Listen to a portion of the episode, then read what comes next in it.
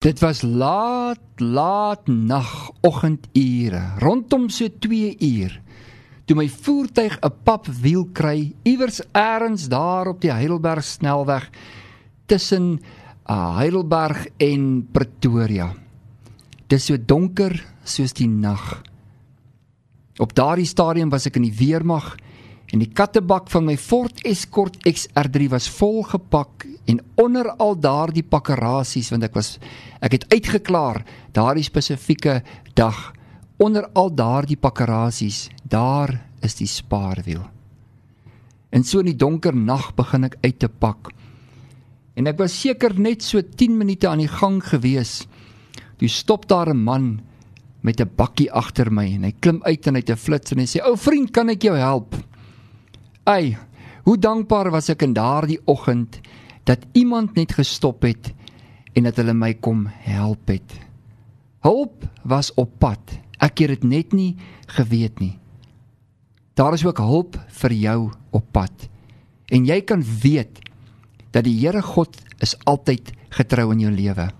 Ek het 'n vriend wat vir my vertel het die ander dag dat op 'n stadium sê die Here vir hom hy moet 'n Capitec kaartjie vat en hy moet geld op hierdie Capitec kaartjie laai en hy doen dit.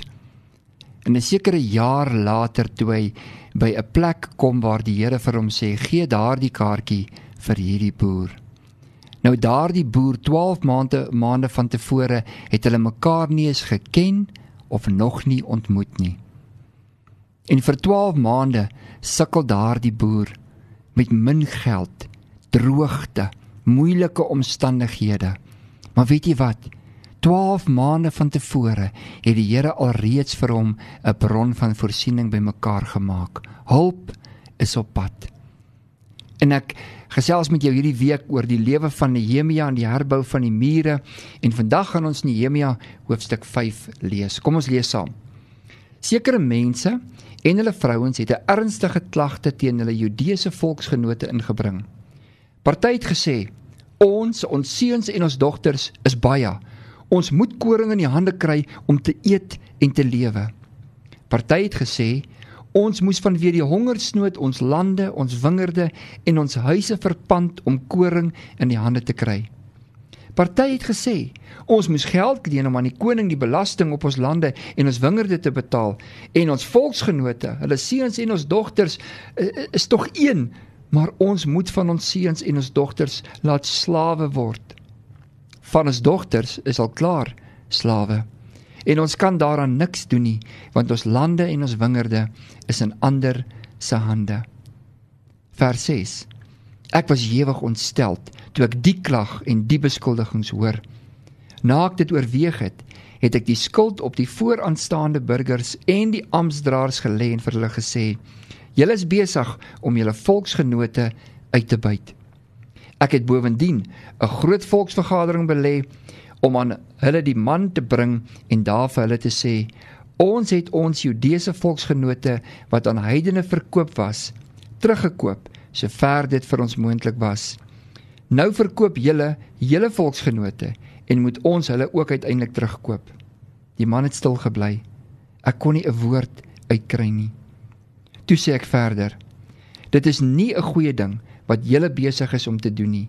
Julle moet tog eerbied vir ons God hê in julle optrede en nie ons vyande die heidene minagting vir ons laat kry nie.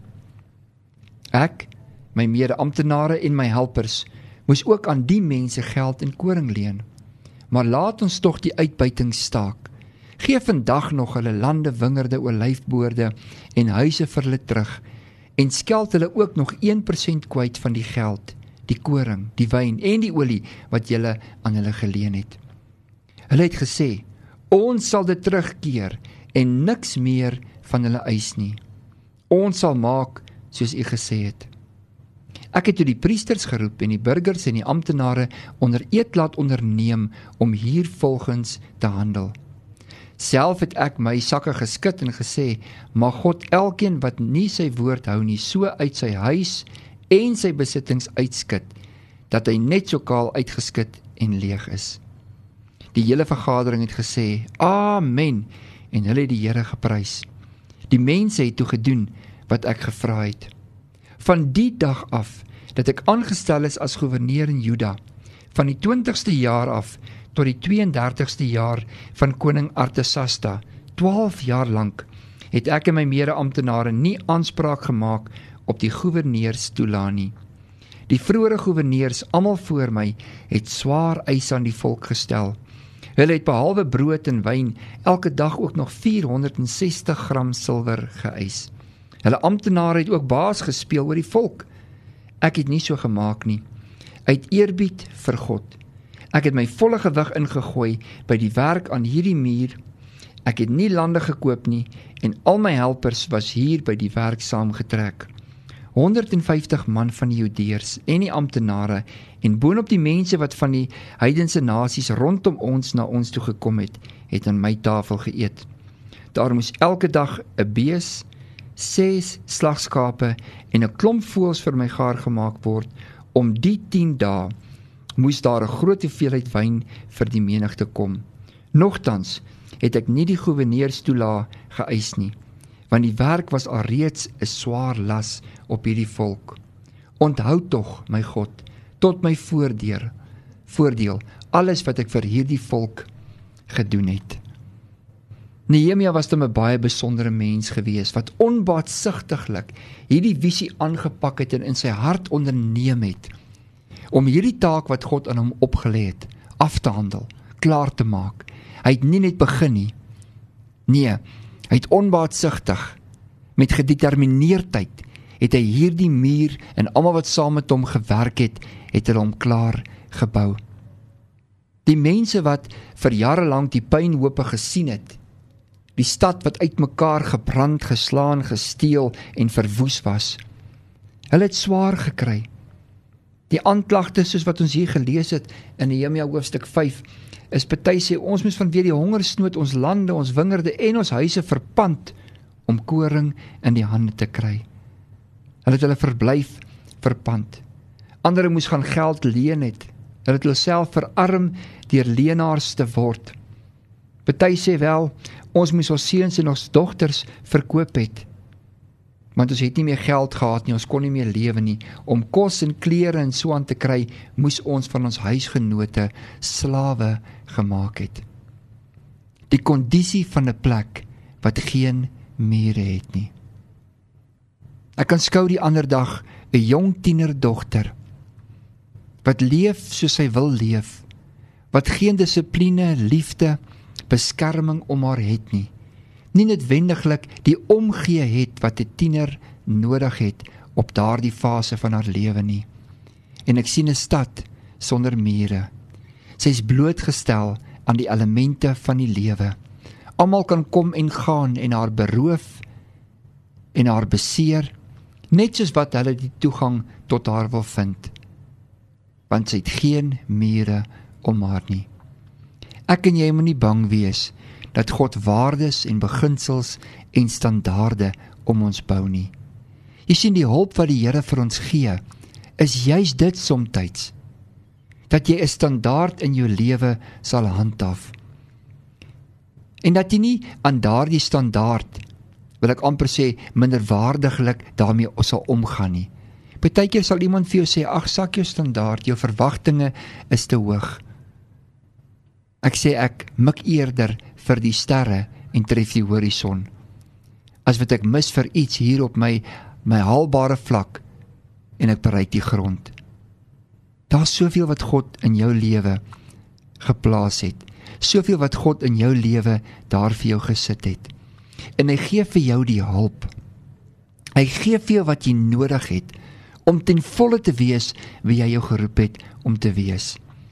En wanneer ons kyk na hierdie stad wat in pyn gelê het, mense wat in hulle self die waarde van die lewe verloor het. Mense wat boedel ingegooi het. Mense wat net opgegee het. Mense wat gedink het wel dis ons voorland. Maar hulp is op pad.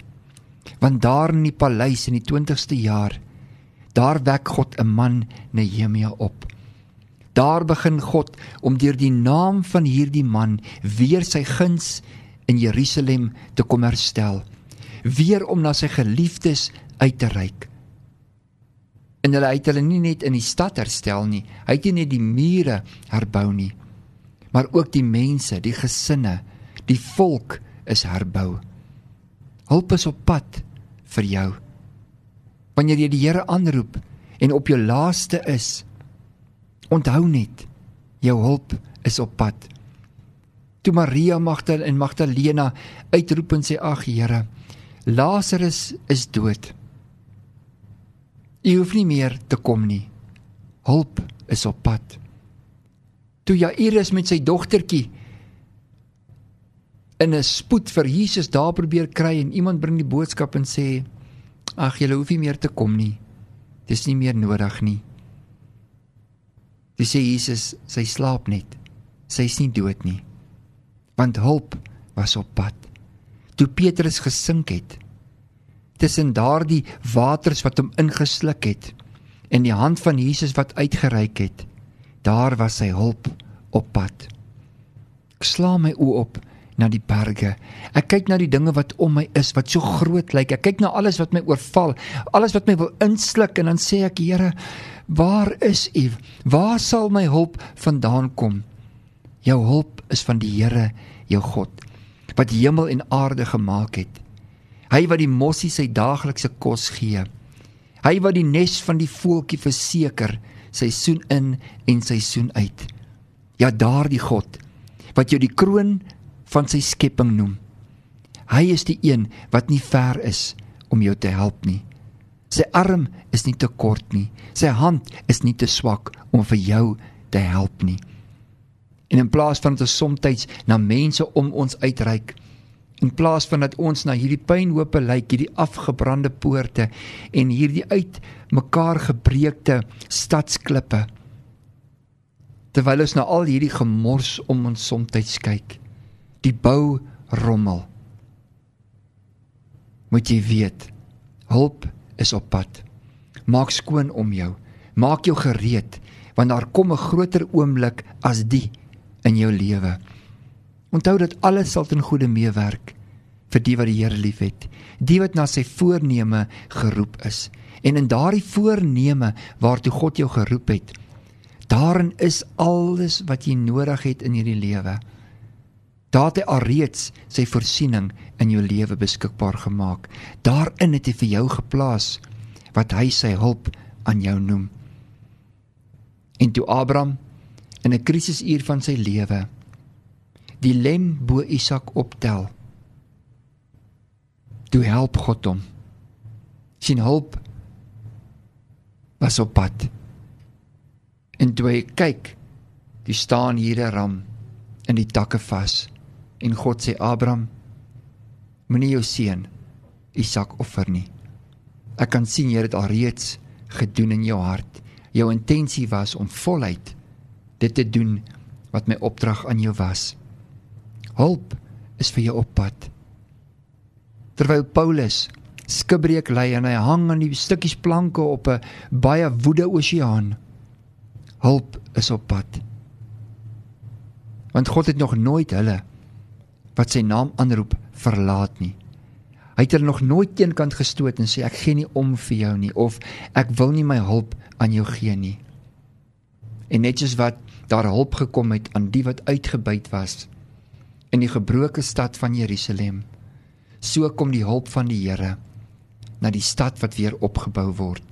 Die stad wat beter daar sal sien. Die stad na wie die seuns en die dogters toe sal terugkeer. Die stad waar die mense plant en dit word nie verwoes nie. Waar hulle versamel en dit word nie verstrooi nie. Dit is die belofte wat God in hierdie dag vir jou lewe het.